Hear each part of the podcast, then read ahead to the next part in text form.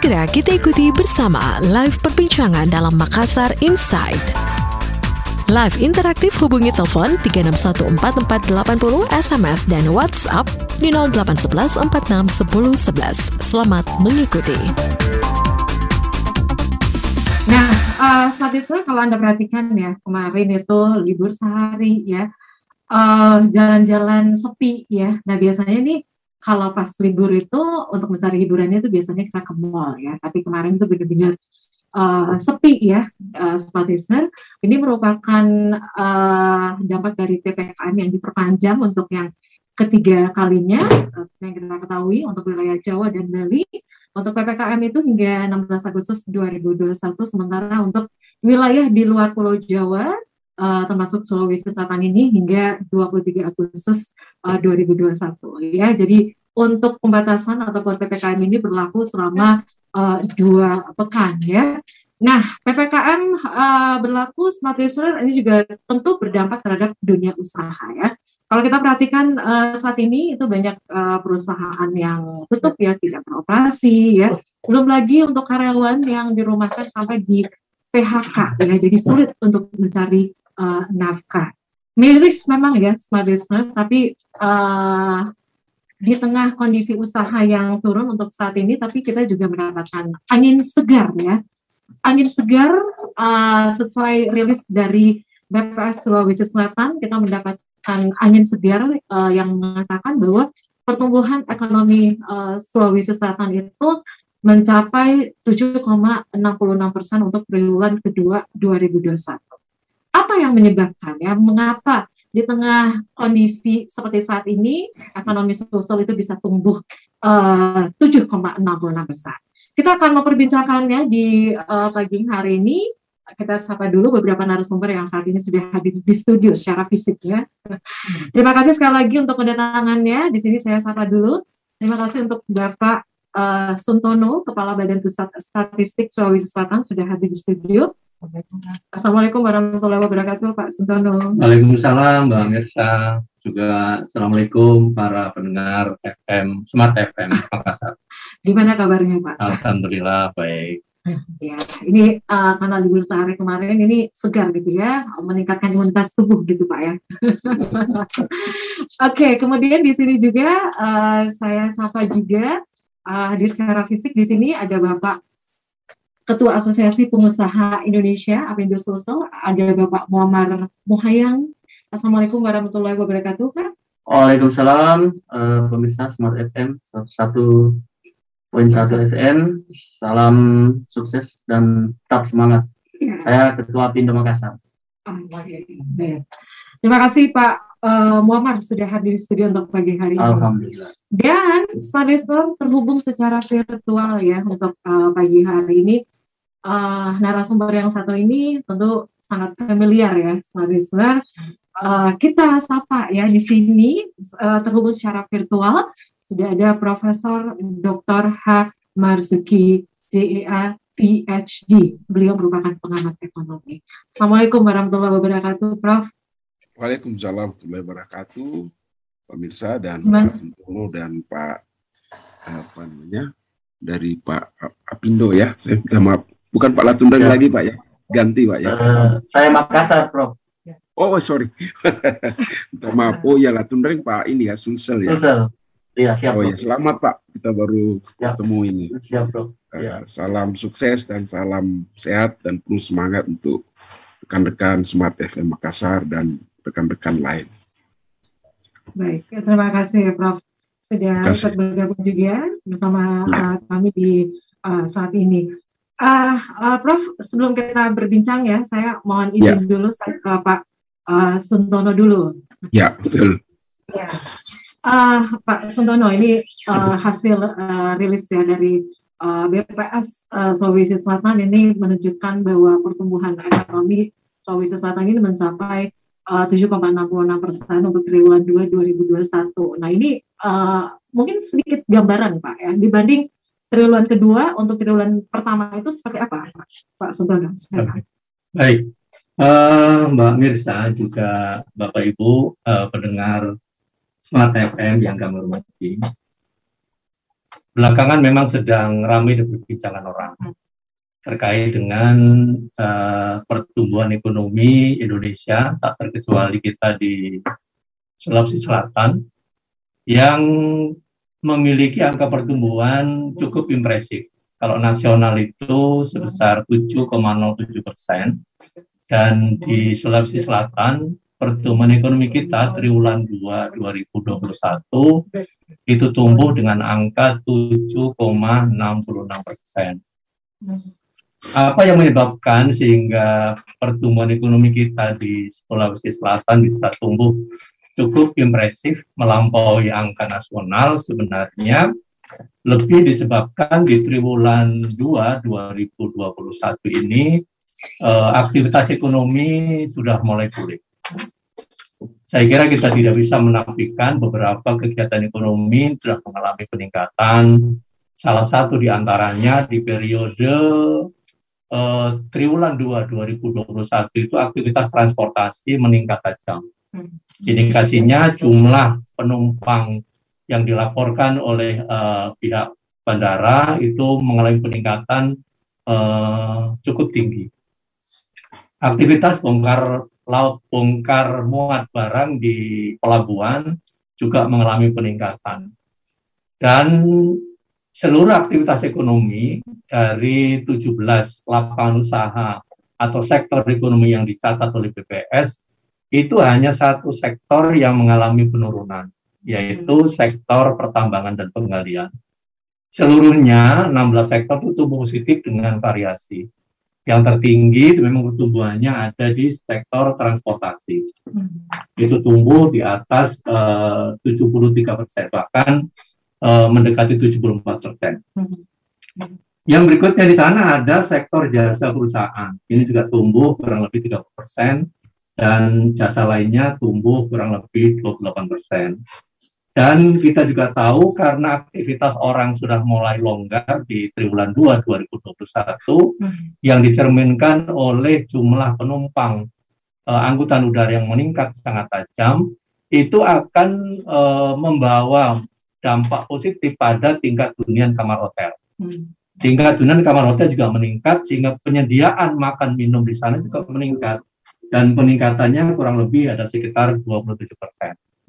Inilah beberapa sektor yang dapat mengerek pertumbuhan ekonomi Sulawesi Selatan pada angka 7,66 persen di triwulan kedua secara Y on Y.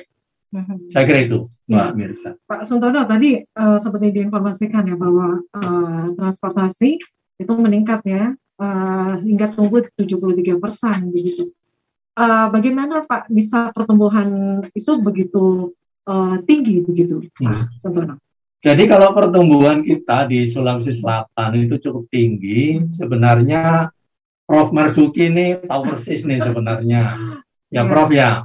Karena kita itu kan menghitung pertumbuhan ekonomi dari basis data yang rendah di triwulan 2 2020. Yeah. Jadi kalau ada istilahnya di dalam mengamati angka itu, kalau Prof. Marsubi apa nih, ada low base effect. Hmm. Low base effect ini yang menyebabkan sehingga seolah-olah ekonomi kita tuh lompat sangat tinggi, melesat sangat tinggi karena basis data kita di Februari, maaf, triwulan 2, 2020 yang lalu itu angkanya memang kita terkontraksi sangat dalam. Hmm. Lebih 3 persen pertumbuhan kita di triwulan 2 2020. Hmm. Bahkan kurang lebih 3,87. Karena basisnya sangat rendah, begitu ada progres yang cukup baik, hmm. sehingga kalau kita hitung pertumbuhannya melesat sangat tinggi. Hmm. Inilah bagian dari low base effect walaupun kita tidak bisa menafikan di triwulan 2 2021 ini ekonomi kita menggeliat cukup impresif. Dan ini yang kita perlu jaga momentumnya sebenarnya untuk menjalani triwulan 3, triwulan 4 dan waktu-waktu selanjutnya. Hmm. Pak, kalau soal kalau uh, dalam kondisi normal ya uh, dari beberapa uh, poin tadi yang disebutkan oleh Pak Suntono biasanya untuk rata-rata uh, pertumbuhan uh, ekonomi itu biasanya di uh, 20% saja begitu Pak. Nah ini uh, apa yang menyebabkan tadi Pak? Kalau ekonomi Sulsel secara umum ya, ya, kalau kita trace ke belakang, memang tumbuhnya itu impresif. Hmm. Sulawesi Selatan itu cukup impresif. Rata-rata kisaran 7 sampai 8 persen setiap tahun hmm. dalam situasi normal, ya, dalam situasi normal. Dan memang ini sangat didukung oleh aktivitas yang ada di uh, beberapa sektor, hmm. utamanya ada sektor pertanian secara umum. Hmm. Sektor pertanian itu memiliki kontribusi atau andil terhadap pembentukan kue ekonomi Sulsel itu kurang lebih 23 persen plus hmm. minus. Mm-hmm. Berikutnya ada di sana sektor perdagangan, yeah. ada sektor transportasi, ada sektor industri pengolahan. Mm-hmm. Dan dari empat sektor utama itu kalau kita gabungkan nilai tambahnya itu tidak kurang dari 63-64 persen mm-hmm. dari total kue ekonomi yang ada di Sulawesi Selatan. Mm-hmm. Jadi ini yang menggerakkan. Ketika empat sektor utama itu merasa terganggu di masa pandemi, tentu ini akan berdampak buruk pada gambaran ekonomi Sulawesi Selatan secara umum. Hmm. Tapi kalau sebagai kalau sebelumnya ya Pak Suntono untuk yang menjadi uh, jawara uh, untuk uh, pertumbuhan uh, sektor utama yang menjadi uh, penopang pertumbuhan ekonomi itu uh, berapa persen Pak kenaikannya? Kalau selama ini kenaikannya rata-rata kisaran 7 8. 7 8. Ya, kisaran normal ya. Kita hmm. bicara situasi normal. Hmm. Ini kan situasinya tidak normal. Makanya saya menyampaikan ke media teman-teman media itu hmm. uh, menggunakan analogi yang sederhana Prof. Yeah. Prof Malbuki hmm. yeah. juga yeah. Pak Muhammad ya. Hmm. Jadi analoginya begini yang paling sederhana untuk memahami uh, melesatnya pertumbuhan ekonomi Sulawesi Selatan itu. Saya memberi contoh begini. Kita punya base, misalnya saya punya harta kekayaan. Katakanlah Eh, satu rupiah. Ya. Sedangkan Pak Muhammad itu punya harta kekayaan 100 rupiah. Kalau kekayaan saya dari satu rupiah naik menjadi dua rupiah, persentasenya itu menjadi 100 persen. Sedangkan Pak Muhammad dari 100 rupiah naik menjadi 101 rupiah, secara persentase cuma naik satu persen. Nah, inilah bagian yang paling mungkin kita berikan penjelasan kepada publik untuk memahami pertumbuhan ekonomi yang melesat tadi itu. Berawal dari base kita yang memang rendah, terkontraksi cukup dalam di triwulan 2 2020 yang lalu. Hmm. hmm. Oke, okay. uh, eh, Pak Suntono, kalau kita uh, lihat ya sektor yang sebelumnya uh, jawara ya dalam yeah. masa pandemi, yeah. itu kan uh, infokom dan juga uh, kesehatan ya. Kenapa yeah. ini justru uh, hanya tumbuh rata-rata di atas 6% saja, Pak? Iya, itu tadi. Hmm.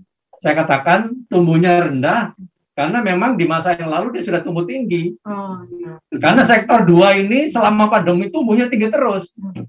Karena sudah base-nya tinggi, digenjot seberapa pun nampaknya kesannya nggak ada pertumbuhan, padahal tumbuhnya tinggi sebenarnya. Karena base yang lalu sudah tinggi, gitu. Jadi yang paling jawara dua ini. Saya kira kalau kita kon konfirmasi, kita address dengan anggaran pemerintah, sebagian besar memang digunakan untuk refocusing COVID. Hmm. Jadi kalau di sektor kesehatan itu naik progresif, itu bisa dimaklumi. Sama dengan uh, terkait dengan komunikasi. Hmm. Semua aktivitas sekarang dilakukan secara virtual. Hmm. Ya, jadi saya kira penggunaan media komunikasi itu sangat masif sehingga wajar kalau pertumbuhannya impresif. Mm-hmm. Terima kasih. Baik, untuk uh, pertumbuhan ekonomi Pak sebesar 7,66 persen ini apakah juga uh, ini karena adanya kebijakan-kebijakan yang diambil oleh pemerintah daerah gitu? Saya kira iya. Hmm. Kebijakan itu pasti, terutama untuk pengaturan-pengaturan berkenaan dengan masa pandemi. Hmm saya juga bisa memberikan gambaran kepada kita semua di bulan-bulan April, Mei, Juni itu pelonggaran dilakukan pemerintah karena memang situasi pandemi pada saat itu memungkinkan untuk dilakukan pelonggaran-pelonggaran. Dan pengetatan dilakukan pula oleh pemerintah ketika memang pandemi sedang tinggi. Dan dampaknya nanti akan kita potret di triwulan ketiga nih, Mbak Mirsa. Ya. Karena di kita untuk di Sulawesi Selatan itu mulai pengetatan PPKM itu kan diimplementasikan sekitar minggu-minggu terakhir di bulan Juni. Hmm. Dan itu maaf di bulan Juli. Juli. Dan itu nanti akan berdampak tuh terhadap aktivitas orang. Hmm. Jadi kalau kita coba lihat di Google Mobility Index itu sudah menurun dan dari hasil surveinya BI eh, perspektif orang untuk konsumsi ke depan itu sudah drop jauh sekali di triwulan maaf di minggu ke empat bulan Juli dan minggu pertama Agustus. Dan ketika prospek konsumsi orang sudah menurun, ekspektasinya itu menjadi alamat yang kurang menguntungkan atau kurang menyenangkan bagi perkembangan ekonomi di masa depan. Ini yang perlu diantisipasi bagaimana agar supaya konsumsi masyarakat itu tetap tinggi karena konsumsi itu di Sulawesi Selatan menempati peringkat pertama di dalam pembentukan PDRB kita di Sulawesi Selatan kurang lebih 55% dari ekonomi Sulawesi Selatan itu didorong dari uh, konsumsi masyarakat atau dari household consumption. Jadi tentu ini harus kita waspadai bersama.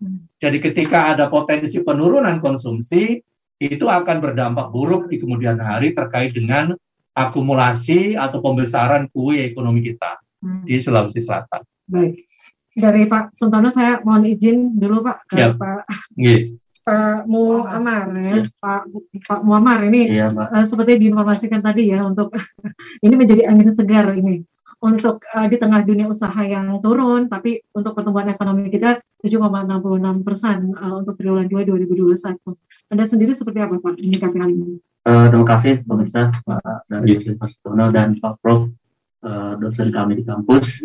Uh, kami ingin menyampaikan bahwa uh, dari sisi Apindo uh, pertemuan ini ini merupakan angka daripada uh, BPS. Apa pun cara pandang kita terhadap angka, saya rasa Pak Prof akan lebih pakar dalam melihat. Namun kenyataannya memang kami sempat uh, optimis ketika memasuki triwulan kedua pada momen Lebaran yeah. dan beberapa pelonggaran-pelonggaran. Nah, itu kita memang optimis di triwulan kedua akan ada uh, perputaran ekonomi atau kenaikan. Hmm. Tapi kemudian uh, Jakarta terkena uh, eh, ppkm atau uh, masalah di Jakarta, uh, sinilah mulai terasa dampaknya. Dan saya yakin bahwa di triwulan ketiga ini teman-teman yang 2020 sudah separuh nafas, kemudian masuk triwulan pertama, memang rata-rata ekonomi di triwulan pertama itu startingnya low, hmm. masuk triwulan kedua kita agak sedikit optimis karena konsumsi mulai meningkat, Kemudian masuk triwulan ketiga seperti disampaikan tadi oleh Pak Sutono bahwa ini merupakan eh, tanda-tanda uh, bahwa akan adanya uh, penurunan uh, pertumbuhan ekonomi. Oleh karena itu kami berharap bahwa pemerintah tapi alhamdulillah sekarang sudah mulai dibuka lagi sampai jam 10 malam hmm. karena yang menggerakkan PDRB kita otomatis konsumsi hmm. ya dan memang uh, pertumbuhan 7% ini bagi teman-teman yang kurang memahami tentunya tidak apa-apa ini adalah merupakan semangat buat kita semua karena memang ya eh, penjelasannya kalau starting dari awal dari nol naik ke satu ya 100% lah. Ya. Nah, walaupun memang kita dari sektor uh, kesehatan dan telekomunikasi teman-teman uh, cukup positif, tapi sektor yang lain karena biar bagaimanapun ekonomi itu multi efek uh, ada supply chain yang ber, ber, ber, bergerak di situ. Hmm. Kami berharap bahwa uh, dengan pertumbuhan ekonomi di triwulan kedua ini Mudah-mudahan di triwulan ketiga uh, tidak terlalu dalam, dalam artian masih ada kesempatan untuk mengejar di bulan Agustus dan September, tentunya dengan meninjau ulang kembali PPKM. Dalam artian kami lebih fokus kepada uh, pemulihan kesehatan, tapi secondly pemulihan ekonomi. Hmm. Karena uh, PPKM yang efektif adalah protokol kesehatan yang disiplin hmm. dan uh, vaksinasi yang uh, lebih massal atau masif. Itu saja sudah cukup karena teman-teman uh, baik dari sektor perhotelan, kemudian sektor yang membutuhkan uh, dampak daripada uh, publik yang lebih banyak beraktivitas, itu tentu membutuhkan pergerakan ekonomi. Hmm. Dan dari teman-teman pengusaha sudah ada juga yang mau jual ini, jual apa. Karena memang e, eh, 2021 ternyata dampaknya jauh lebih keras hmm. dibanding 2020. Mungkin daya tahan teman-teman masih ada sampai tiga bulan. Hmm.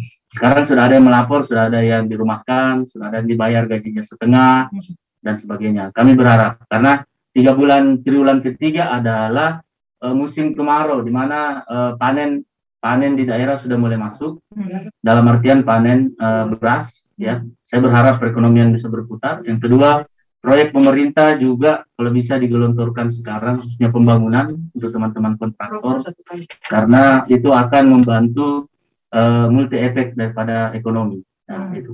Kemudian terakhir kami melihat bahwa dengan data BPS seperti ini kita harus tetap berpandangan positif hmm. dalam artian sebagai pengusaha selalu tetap optimis. Hmm. Namun kami tetap berharap pemerintah menyadari bahwa kita sebenarnya masih belum uh, mencapai hal yang kita inginkan bersama. Ini adalah sinyal di triwulan kedua tadi sebenarnya sangat menggembirakan. Hmm. Kita pun merasakan di lapangan ada geliat ekonomi di, di samping dibantu oleh adanya momen nasional atau hari raya lebaran. Di triwulan ketiga ini tidak ada momen nasional, tapi situasi dan musim sangat mendukung yeah. karena panen raya sementara berjalan, kemudian musim kemarau berarti proyek pembangunan bisa dijalankan. Mudah-mudahan pemerintah bisa segera mencairkan anggaran-anggaran dana atau serapan dananya lebih ditingkatkan. Hmm. Jadi itu pesan kami dari Apindo. Kemudian kami menghimbau juga agar tes swab dan PCR itu lebih dimurahkan harganya karena di India itu tes PCR cuma sembilan puluh tujuh ribu. Kalau di sini sampai sini sembilan ratus ribu kalau mau cepat satu juta seratus. Hmm. Kami Apindo juga menyoroti itu hmm. mudahan dan jangan menerapkan orang masuk mall harus pakai vaksin dan sebagainya ya. karena itu untuk tempat ruang publik kasihan nanti tenang-tenang yang ada di dalam mall ya. itu karyawannya ada berapa orang kalau mereka bilang mending saya keluar dari mall bisa dikunjungi tempat jualan saya dalam artian tetap melaksanakan protokol kesehatan. Hmm. Kecuali misalnya untuk penerbangan antar daerah, yeah. tapi dengan catatan bahwa biaya swab dan biaya PCR, tolonglah cari alternatif yang lebih murah, hmm. namun tetap uh, legal yeah. uh, untuk pergerakan ekonomi. Karena uh, terus tadi transportasi sangat jelas mendorong. Yeah. Transportasi itu kan ada momen lebaran, yeah. ya dan momen anak sekolah seperti itu. Yeah. Itu mungkin kami dari Apindo. Apindo. Terima kasih banyak. Ya, kita lanjut lagi sebentar, Pak. Ya, lanjut lagi dulu, Pak. Siap, siap, siap. Jadi itu tadi ya uh, harapan ya untuk iya. akselerasi yeah uh, vaksinasi ini semoga bisa memperkuat uh, percepatan uh, ekonomi ya di Sulawesi Selatan. Baik, uh, sebelum kita break ya, saya mohon izin dulu uh, Pak uh, Pak Suntono, kemudian Pak uh, Muhammad, saya ke Prof uh, Marzuki. Singkat saja, singkat saja dulu ya, Prof. Ini uh, terkait uh, seperti diinformasikan tadi dengan kondisi berbagai wilayah yang memaksa pemerintah daerah setempat ini kadang memperketat uh, kembali ppkm yang sudah terlanjur dilonggarkan. Tentu pelaku usaha, pemilik UMKM dan juga investor ini uh, tentu memiliki kekhawatiran ya kalau pembatasan uh, baru ini bisa menghadang momentum pemulihan kembali ekonomi. Menurut Profesor sendiri seperti apa? Prof? Halo Prof? Unmute dulu. Unmute dulu Prof. Ya. Sorry, sorry. Ya, baik. Uh, Assalamualaikum warahmatullahi wabarakatuh. Ya. Uh, yang terhormat Pak Sentono, ya Pak Amar, dan rekan-rekan Smart, dan terutama para pendengar Smart FM Makassar ya, yang diundang untuk uh, ya berdiskusi lah, tentu dalam berdiskusi untuk mencari untuk mencari solusi ya, uh, atau untuk terutama dalam sosialisasi kepada publik, terutama para pelaku ekonomi, yaitu para pengusaha, dan tentu masyarakat umum. Apa yang digambarkan tadi oleh Pak Sentono sebagai Kepala BPS Selatan dan Pak Amar, saya rasa sudah sangat jelas sebenarnya kalau kita bisa urai ya bahwa persoalan-persoalan pertumbuhan ekonomi yang dianggap tiba-tiba agak melejit ya. Jadi kalau dikatakan dulunya kita tumbuh hanya kurang lebih eh, apa namanya kurang lebih 0,21 minus 0,21 kemudian meningkat jadi 766 bisa dikatakan pertumbuhan ekonomi kita itu seakan-akan hampir 8 persen lebih Pak ya. Hmm. Jadi kita minus 021 kemudian jadi 766 berarti pertumbuhan kita bisa totalnya itu sebanyak hampir 8 persen, 8 persen lebih itu memang mengagetkan pada dasarnya karena di zaman-zaman uh, aman-aman saja ya itu kondisi itu tidak pernah terjadi bahkan hmm. cenderungan pertumbuhan kita itu dari kuartal 2 2018 misalnya yaitu kita sampai 7,35 terus turun sampai di kuartal uh, 2 tahun 2019 7,38 ya dan kuartal 2 tahun 2021 atau di kuartal 2 tahun 2020 minus 3,87 ya turun. Kemudian sekarang karena ini adalah year on year jadi kuartal 2 tahun 2020 sampai dengan kuartal 2 2021 itu meningkat sampai 7,66 jadi e, memang agak dramatis sehingga pertumbuhan itu memang bisa jadi besar. Nah sehingga kita juga sebagai publik terutama para pengusaha masyarakat umum itu memang awalnya itu meragukan sekali kok bisa ya seperti bergelinding kayak apa gitu. Tapi iya, tapi bisa dilihat bahwa sebenarnya apa yang disampaikan hmm. oleh Pak Sentono dan Pak Ahmad tadi itu menggambarkan satu hal yang juga bisa kita terima pada dasarnya dan inilah memang perlunya ada sosialisasi Pak. Hmm. Karena sosialisasi ini uh, ingin menjelaskan karena supaya jangan meragukan dan akhirnya nanti ketidakpercayaan publik kepada otoritas itu menjadi tidak baik ya apalagi BPS ini adalah salah satu lembaga negara yang harus diakui kredibilitasnya dan memang harus seperti itu uh, dan tentu saja uh, tidak ada lembaga lain yang sebenarnya ada lembaga lain yang menjadi mitra daripada uh, BPS itu adalah Bank Indonesia itu kurang lebih juga selalu hampir sama itu dia punya perkiraan. Paling-paling biasanya Bank Indonesia lebih rendah sedikit lah, sampai satu hmm. persen. Uh, yang yang menarik ini memang ekonomi sosial yang tumbuh positif di tengah pandemi ya. Jadi tadi seperti diinformasikan oleh Pak Suntono tadi untuk triwulan 2 2021 ini bertumbuh ya 7,66 persen. Baik, kita uh, langsung saja bersama Profesor Marzuki JEA. Baik, Prof, uh, kita lanjut lagi nih ya. Prof, saat ini, Prof? Ya, ya. Halo. Saat, ya, Prof, saat ini kita masuk uh, fase bounce back ekonomi, ya. Iya. Iya. Ini kenapa bisa terjadi seperti ini? Bisa dijelaskan. Bisa dijelaskan, Prof. Oh ya, jadi kalau kita lihat dari sisi pertumbuhan itu ya itu tadi disampaikan ya, hmm. ada satu peningkatan yang luar biasa karena sebelumnya agak lemah ya dari minus hmm. tiba-tiba ke atas, tiba-tiba ada satu gerakan beberapa sektor ekonomi yang disebutkan tadi ya, eh, angkutan udara, kemudian perdagangan, kemudian eh, kalau misalnya dari sisi sektoral ya, kemudian pertanian perikanan ya, Kemudian dari hmm. sisi demand yaitu adalah konsumsi rumah tangga, pemerintah, ekspor. Itu kan memang bisa dikatakan dalam periode triwulan dua itu jadi antara kalau tidak salah April sampai Juni ya. Jadi itu agak sedikit pendek karena tiga bulan.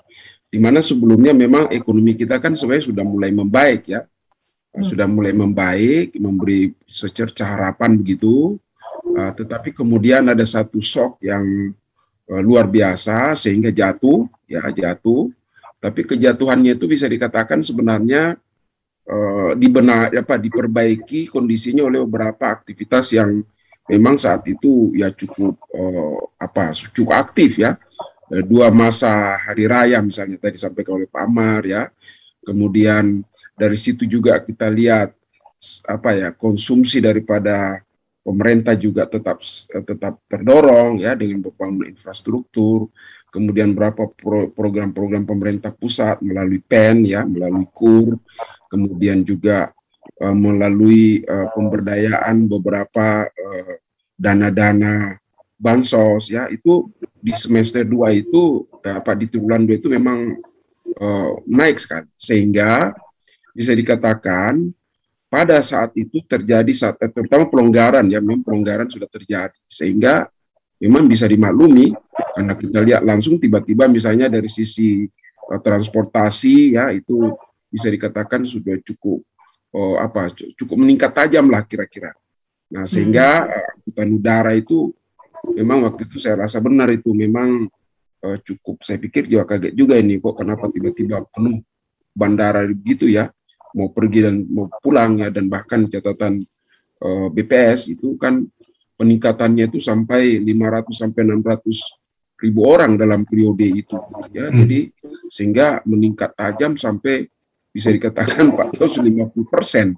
Nah itulah hmm. yang disebut dengan tumbuh yang dari rendah langsung tiba-tiba meloncat. Ya akhirnya dampaknya di dalam ukuran pertumbuhan yaitu juga punya dampak secara keseluruhan Nah, begitu juga dengan perdagangan ya. E, dalam masa itu kita bisa katakan e, beberapa aktivitas dari hari raya tadi Pak Marsden sudah jelaskan ya dengan baik itu mendorong betul mobilitas e, penduduk antar penduduk antar wilayah di Sulawesi Selatan ya termasuk pesawat itu juga terjadi pergerakan-pergerakan barang dan jasa jual beli dan sebagainya sehingga beberapa produk-produk konsumsi masyarakat ya terutama di pertanian dan perikanan itu bisa dikatakan tumbuh luar biasa rata-rata di atas 10% ya.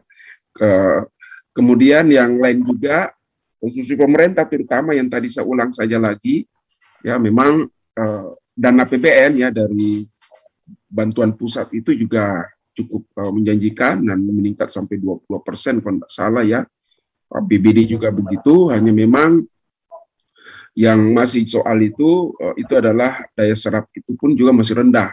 Jadi masih ada sisa lebih uh, silva daripada masing-masing kabupaten kota ya. Bahkan itu dikritik oleh pemerintah karena ada beberapa daerah rasio antara dana transfer kemudian dibanding PDRP dari apa PDB dari PDRP dari masing-masing kabupaten kota itu ada yang bahkan surplus. Artinya ada idle fund yang situ tapi itu pun juga sudah bisa mendorong. Ada beberapa daerah juga bahkan minus ya eh, defisit ya itu berarti aktif ya terutama Kabupaten Sinjai itu salah satu kabupaten yang cukup aktif memanfaatkan uh, eh, APBN untuk belanja modal ya dan Makassar juga begitu.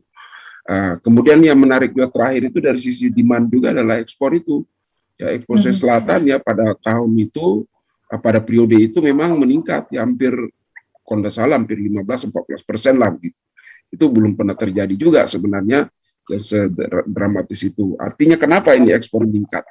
Tentu kita kita tahu bahwa beberapa mitra dagang kita itu sedang membaik pada periode itu juga. Seperti China, Amerika, ya Singapura, kemudian ada beberapa negara Eropa sehingga ekspor kita itu bisa dikatakan uh, cukup uh, apa cukup meningkat. Nah, memang yang menjadi pertanyaan terkadang dari teman-teman pengusaha kan di pergudangan ini ini memang agak oh, peningkatannya luar biasa ya, tadi disampaikan oleh Pak Suntono itu sampai 70, 40 per, 70 atau 74 persen lah Pak ya persen oh, pergudangan ya transportasi pergudangan. Nah, ini memang itu tadi yang tiba-tiba dulu di triwulan satu begitu dibatasi, tiba-tiba triwulan dua agak longgar, tiba-tiba ada acara uh, hari raya luar biasa ya pasti aja tumbuhnya meloncat begitu ya. Jadi memang Itulah yang sebenarnya menyebabkan besarnya pertumbuhan itu. Nah, yang memang agak unik sedikit, uh, yang banyak orang juga persoalkan Pak ini, itu adalah komunikasi, informasi komunikasi termasuk kesehatan. Kalau kita hmm. lihat pertumbuhannya itu, itu tidak pernah terlalu tinggi ya, hanya kurang lebih 6,7 atau 6, berapa lah, 6,6 persen. Padahal sebelumnya itu dia di atas bisa tumbuh 99 persen ya, uh, termasuk kesehatan juga begitu. Tapi di sini kita bisa lihat kesehatan itu hanya tumbuh 16-an sampai 17 persen. Nah, jadi yang terbesar sebenarnya ini kan ada empat sektor utama kalau dilihat dari sisi uh, sektoralnya ya. Jadi transportasi pergudangan, jasa perusahaan, kemudian jasa lainnya, termasuk uh, penyediaan akomodasi dan makan minum. Nah ini agak agak banyak juga yang menyoal Pak ini di makan minum. Kenapa bisa tumbuh sampai 27 persen itu? Kenapa kira-kira? Nah, saya saya selalu jawab teman-teman wartawan. Waktu itu itulah iya. kita Ramadan itu ya, rumah hari raya. Jadi banyak kegiatan-kegiatan ya. jalan di situ, ramai sekali mal-mal ah. untuk makan, hmm. minum dan sebagainya. Jadi ya. uh, di mana sebelumnya tidak seperti itu. Nah, itu yang disebut sebagai pertumbuhan yang meloncat yang tiba-tiba hmm. seperti itu. Yang kita juga kaget ya misalnya seperti pertambangan yang bisa minus, ini bisa dimaklumi karena memang aktivitas di sektor ini uh, karena dilarang jadi belum bisa terjadi perubahan yang uh, sangat cepat ya hmm. sehingga uh, yang teman-teman terkadang akademisi bahkan yang meragukan itu data Pak Suntono itu ya. di antara kurang lebih empat uh, sektor atau lima sektor itu itu tumbuhnya itu hampir 40 persen rata-rata atau secara total lah secara hmm. total dari 17 sektor itu itu hampir rata-rata 40 persen tumbuhnya dalam periode triwulan dua itu kalau dijumlah dari 73 sampai ke minus itu kurang lebih hampir 38 atau 39 persen itulah yang terkadang juga orang jadi bingung bisa ya dulunya tuh paling-paling rata-rata total eh, dua apa namanya total rata-rata dari 17 sektor itu paling-paling antara 20 sampai 25 persen. Tetapi memang di antara sektor-sektor itu ada yang sangat dramatis kenaikannya yaitu adalah transportasi dan pergudangan. Meskipun dalam faktanya di pergudangan teman-teman pengusaha di di pergudangan itu bingung itu. Itu gudang saya kosong Pak Marsuki tidak pernah ada yang keluar masuk itu. Nah, eh, aktivitas daripada bongkar muat di gudang-gudang itu banyak yang tidak aktif tapi kok bisa meningkat gitu ya. Nah, jadi saya juga tidak tahu bagaimana kalau pergudangan ini dipisahkan dari transportasi. Apakah memang sama rata-rata transportasi pergunakan tumbuhnya 73 persen, atau mungkin transportasi lebih besar pertumbuhannya daripada pergudangan. Nah, itu juga mungkin perlu sedikit kejelasan ya. Mungkin kita bisa minta bantu, apa memang ada data ya, karena kita kan tidak punya data tentang pergudangan itu sendiri, kenapa tidak dipisahkan dengan transportasi? Karena seakan-akan diasumsi sama begitu ya. Nah, eh, sehingga saya pikir yang diperlukan sekarang sebenarnya adalah bagaimana otoritas, terutama BPS dan pemerintah daerah bersama dengan eh, pihak pemangku kepentingan lain, terutama pengusaha, ini diberi penjelasan yang lebih baik ya tentu juga kepada para akademisi. Karena banyak juga yang masih keberatan sebenarnya ini Pak Suntono. Teman-teman akademisi yang melihat ini sesuatu hal yang uh, tidak terjadi tidak uh, tidak masuk akal begitu. Tapi hmm. kita jelaskan secara terpisah yang saya sebutkan tadi kalau dulunya tumbuhnya negatif ya, dari perbandingannya tadi Pak ya satu kemudian tiba-tiba berubah jadi 100 itu kan bisa langsung jadi 100 persen. Itulah repotnya nilai nominal dan nilai persentase. Nah, tadi contoh yang bagus disampaikan tadi Bapak, seperti saya, kalau misalnya gaji saya dari 200 ribu jadi 300 ribu, naik berapa persen tuh? Ya, tapi berapa rupiah aja kan dari 100 ribu jadi 200 ribu ya, tapi 100 persen Pak. Tapi ada. Prof, saya lempar dulu ke Pak Suntono mungkin ya Prof ya. Ya, ya silakan. Ya, silakan. Silakan Pak Suntono. Oke, ya. jadi ini Bro memang Bro, memang kita membutuhkan cara atau gaya komunikasi, Prof, supaya masyarakat itu teredukasi hmm. dan memiliki literasi yang lebih baik, gitu ya, di dalam memahami makroekonomi. Iya, iya. Seringkali itu tadi, Prof, kita itu terus menjadi tergopoh-gopoh ketika melihat angka persentase yang tinggi. Tapi ketika tadi sebelum saya masuk ke angka persentase yang begitu fantastis, saya antar dulu, Prof dengan analogi yang paling sederhana okay. supaya landingnya itu lebih soft gitu dong. Iya, iya, iya. Supaya lebih soft gitu. Jadi sebenarnya sih kalau tadi Prof menyampaikan bahwa ini kan semata-mata sebenarnya disebabkan karena low effect, yeah. low base effect. Tapi kita tidak bisa memungkiri bahwa progres di triwulan 2 itu senyatanya ada. Dan ya. tadi Pak Muhammad sudah menegaskan eh, naiknya konsumsi masyarakat, household consumption itu juga didorong oleh dua peristiwa penting eh, keagamaan hari raya. Ya. Untuk satu hal yang tadi Prof sampaikan, kenapa kok transportasi dan pengudangan itu dijadikan satu? Ya. Apakah tidak bisa itu dipisahkan? Sebenarnya kalau nanti saya akan menyampaikan data lebih detail, ketahuan sih Prof. Hmm. Karena kalau lapangan usaha itu kan ada nanti ada sub-subnya di dalam situ. Ya, Terpisah juga. Ya, ya. Terpisah juga. Nanti transportasinya sendiri berapa, pergudangannya ya. berapa akan ketahuan. Gitu. Ya. Dan benar apa yang tadi Prof sampaikan bahwa sebenarnya kontribusi terbesar di dalam sektor transportasi itu adalah memang transportasinya, hmm. baik laut, darat laut. maupun udara. Hmm. Sedang pergudangannya memang nggak seberapa besar. Namun secara sektoral memang nggak bisa dipisahkan karena kan saya kira BPS itu di dalam menghitung PDB itu terikat dengan aturan-aturan yang dikeluarkan oleh uh, United Nations Statistical Division. Jadi ada uh, divisi statistik di PBB agar ya. supaya datanya Indonesia itu comparable dengan negara lain. Ya. Oleh karena itu pengelompokan sektoralnya juga harus meng mengikuti manual-manualnya PBB. Hmm. Tapi nanti secara rinci akan ketahuan di Prof sebenarnya. Kalau kita nanti lihat ke sub-subnya sampai ke unit kegiatannya akan ketahuan.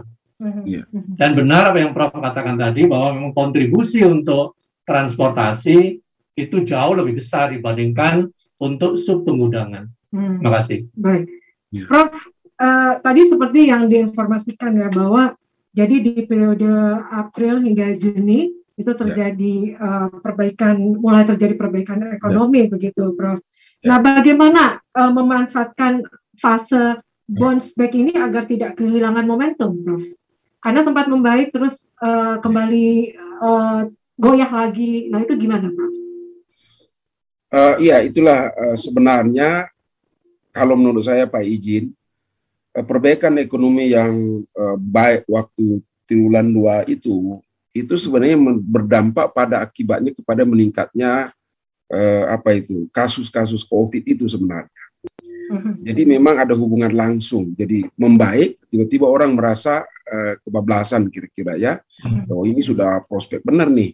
Tapi akhirnya ya kita tidak berhati-hati dan juga pemerintah tidak mengantisipasi pada dasarnya karena uh, ada boom itu tiba-tiba terjadi lagi kasus yang mendadak juga kematian jumlahnya sakit mm-hmm. dan akhirnya pemerintah harus mengambil sikap lagi untuk uh, supaya jangan sampai masyarakat korban daripada uh, kondisi itu dan akhirnya tanggal 3 Juli kalau tidak salah ya PPKM ya. sudah dilakukan dan itu seluruh di Jawa, Jawa, Bali, Jawa, kemudian menyebar sampai ke beberapa daerah. Dan memang akhirnya bagaimana menjaga momentum ini bisa terjadi seperti ini, uh, saya juga khawatir itu mungkin tidak akan terulang lagi sementara waktu. Memang tidak mungkin ini naik terus karena kalau ini naik terus misalnya, taruhlah misalnya key to key saja, ini luar biasa sebenarnya. Semester hmm. kalau tidak salah triwulan satu itu memang kita negatif, tapi kita, kita, kita itu sebenarnya bagus sekali Sulawesi Selatan ya. Tahun 2020 kalau tidak salah itu pernah meningkat kita kitnya kita kinya itu sampai 8 persen. Itu jadi memang sebenarnya indikator indikator pertumbuhan yang menarik dilihat itu sebenarnya bukan year on year-nya, tetapi kita kinya kuartal ke kuartal kuartalnya. Nah, hmm. kalau di Sulawesi Selatan ini kuartalnya yang lalu itu kan pernah tahun-tahun misalnya eh, 2020 kuartal 2 itu minus 41. Ya, tapi kuartal 3 bulan tahun 2020 meningkat sampai 8,16. Coba bayangkan. Jadi ada satu periode eh, bulan itu meningkat tajam dan itu tentu ada indikasi yang mendasari. Tetapi mulai terpukul habis ya semenjak Q3 ke Q4 itu jatuh minus 4 98. Nah, di situ kemudian ada sedikit lagi perbaikan di Q4 ke Q1 2021 berubah menjadi minus 2,20. Nah, tiba-tiba naik Q2 ke Q2 21 meningkat menjadi 744. Saya perkirakan secara umum tidak mungkinlah kita nanti tahun 2000 2011 eh, ini apa 2021 ini untuk triwulan 3 itu bisa melampaui 7,44 itu ya karena kalau itu melampaui, waduh, saya tidak tahu variabel apa yang bisa eh, mendukung itu.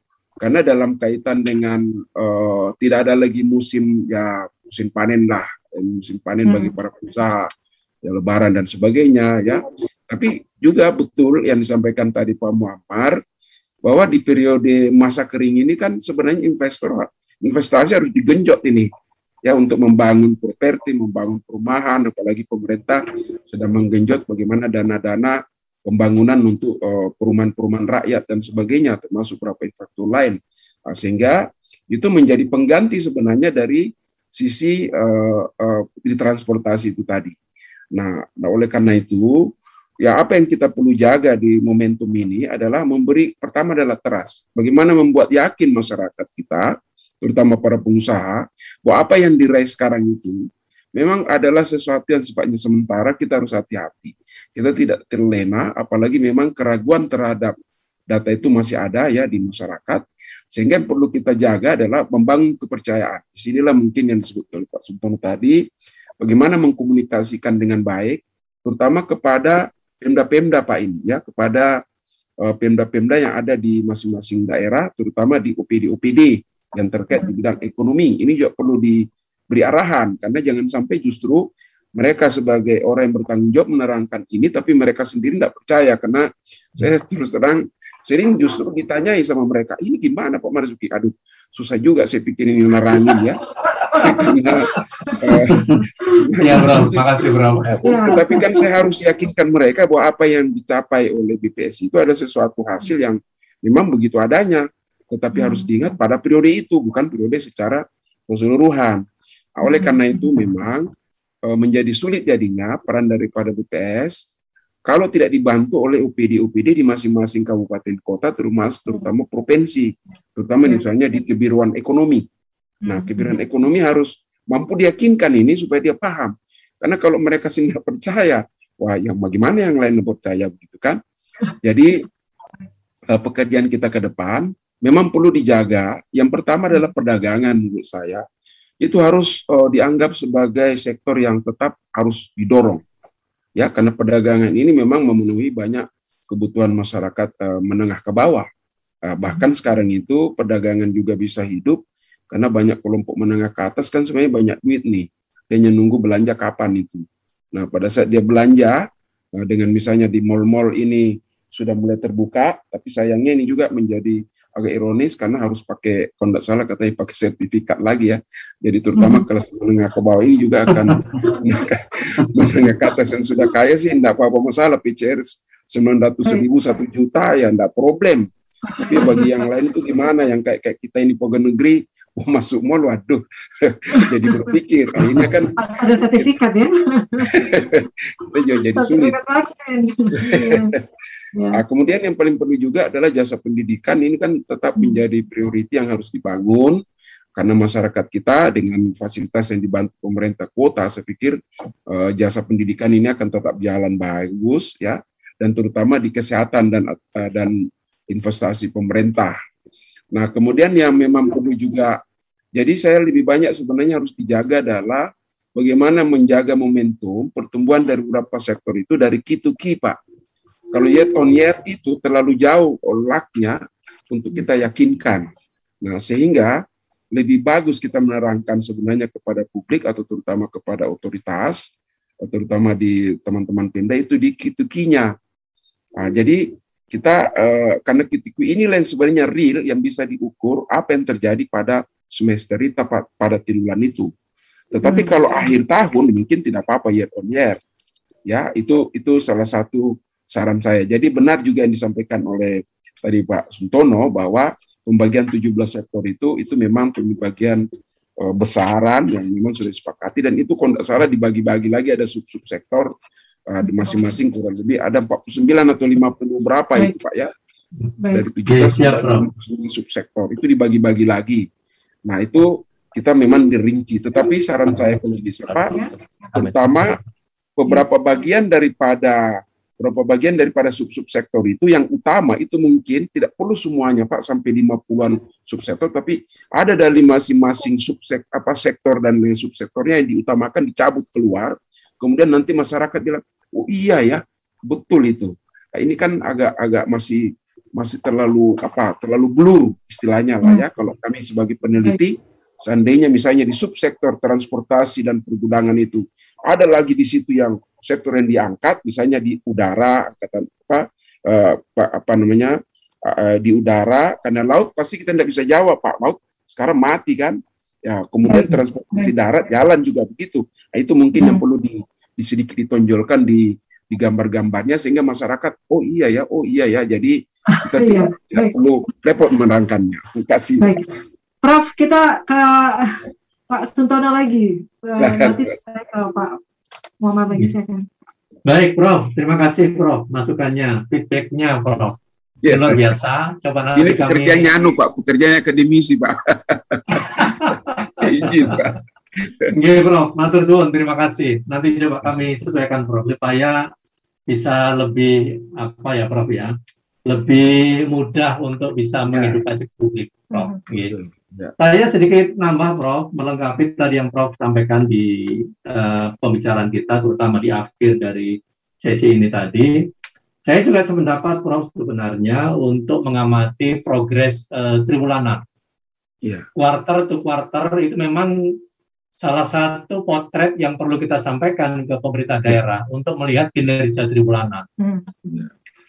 Dan tadi Prof juga sudah menyampaikan kalau sekarang secara K2K kan kita tumbuh itu 7,44 persen di yeah. triwulan 2. Yeah. Dan dengan angka pertumbuhan yang lumayan ini, Prof uh, setengah meragukan kalau di triwulan 3 itu akan meningkat lebih tinggi dari angka 7,44 dengan berbagai macam pertimbangan. Mm-hmm. Nah, saya akan ngetrace ke belakang ini, Prof. Oh ya. Saya carikan rekam jejak ekonomi kita secara triwulanan dalam situasi normal, ya, Prof ya. ya. Kalau ya. sekarang kan pandemi itu kan unpredictable. Ya, betul. Kita nggak bisa mengatakan kapan terjadi sesuatu sehubungan dengan pandemi ini. Hmm. Tapi kalau di masa yang lalu memang seasonal kita itu di triwulan 3 itu lebih lambat dibanding triwulan ya. 2, Bro. Selalu begitu ya. Selalu begitu seasonalnya. Karena memang puncaknya panen itu terutama panen itu kan di pertanian. Dan ya. pertanian itu kan menguasai plus minus 23 24 persen dari ya. total kue ekonominya Sulawesi Selatan. Ya. Jadi ketika panen raya itu ada puncaknya ada di triwulan dua, iya.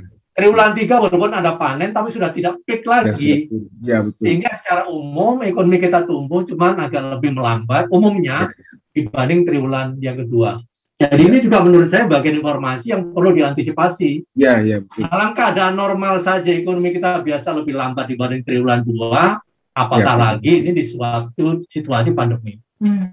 Saya kira ini juga perlu nanti saya sounding ke pemerintah daerah supaya menjadi kehati-hatian ya. kita bersama apa yang akan kita lakukan dengan situasi triwulan ya. tiga yang sedang berjalan ini. Ya, harus Terima kasih, Prof. Harus, harus ada langkah-langkah strategis begitu ya. Ya, ya.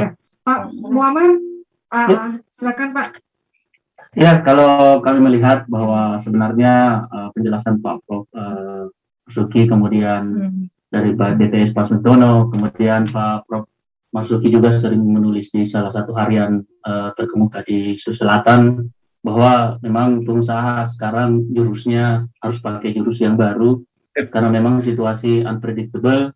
Kemudian uh, di samping juga uh, terus terang dengan angka 7,66 sebenarnya masih rendah kalau menurut ukuran kita karena sebenarnya itu kan dari lowest impact aja.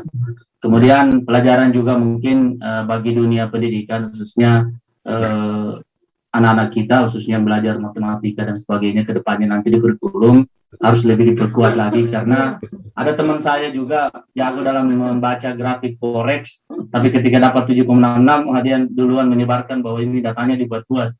Padahal namanya grafik atau sesuatu grafik itu kalau ilmu esensinya adalah pasti suatu pola ya tidak ada grafik tanpa pola Nah, karena itu sudah sunatulahnya seperti itu. Hmm. Cuma memang pola yang ini karena dengan adanya pandemi selama sebelum pandemi kan pertumbuhan kita kan tidak pernah negatif. Hmm. Semua positif hmm. ya. Dan tiba-tiba ada pertumbuhan yang negatif. Tapi literasi seperti inilah yang memang yang harus memang kita antisipasi BPS pun baru juga mengantisipasi mm-hmm. akademisi maupun pengusaha semua belajar dengan adanya pandemi ini.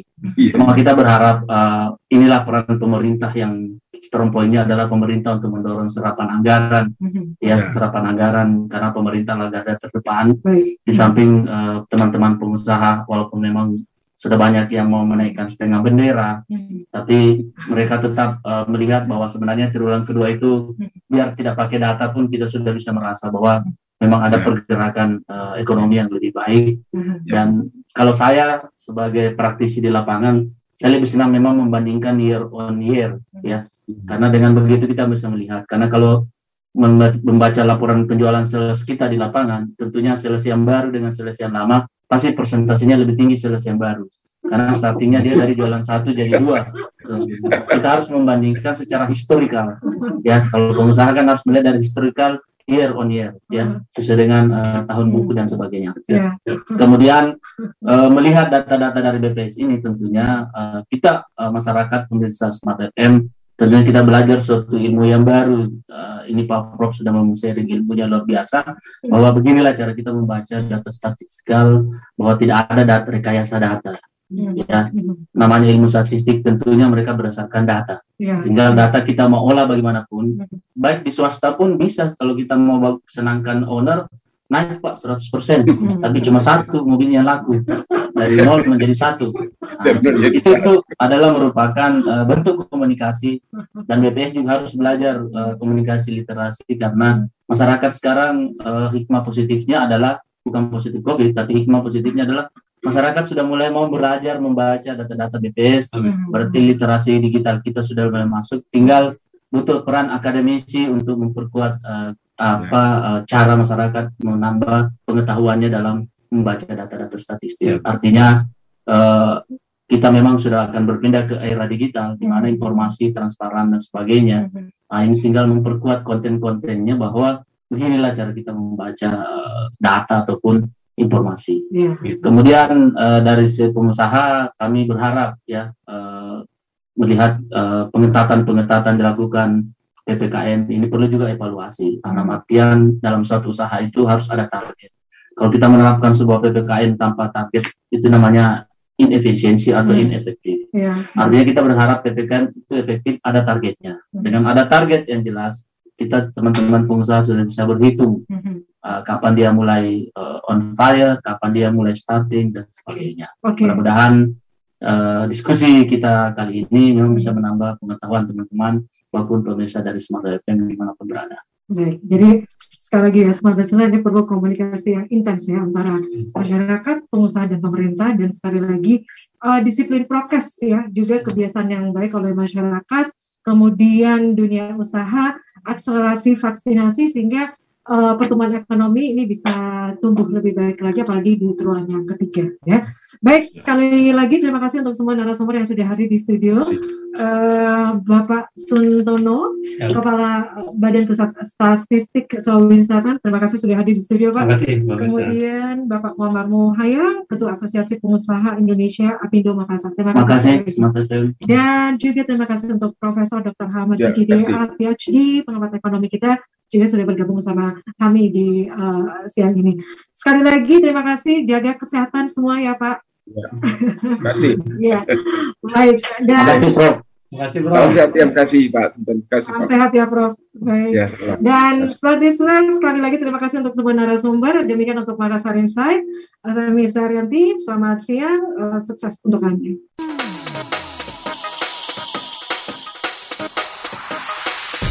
Terima kasih. Anda telah menyimak live perbincangan dalam program Makassar Insight. Sampai jumpa.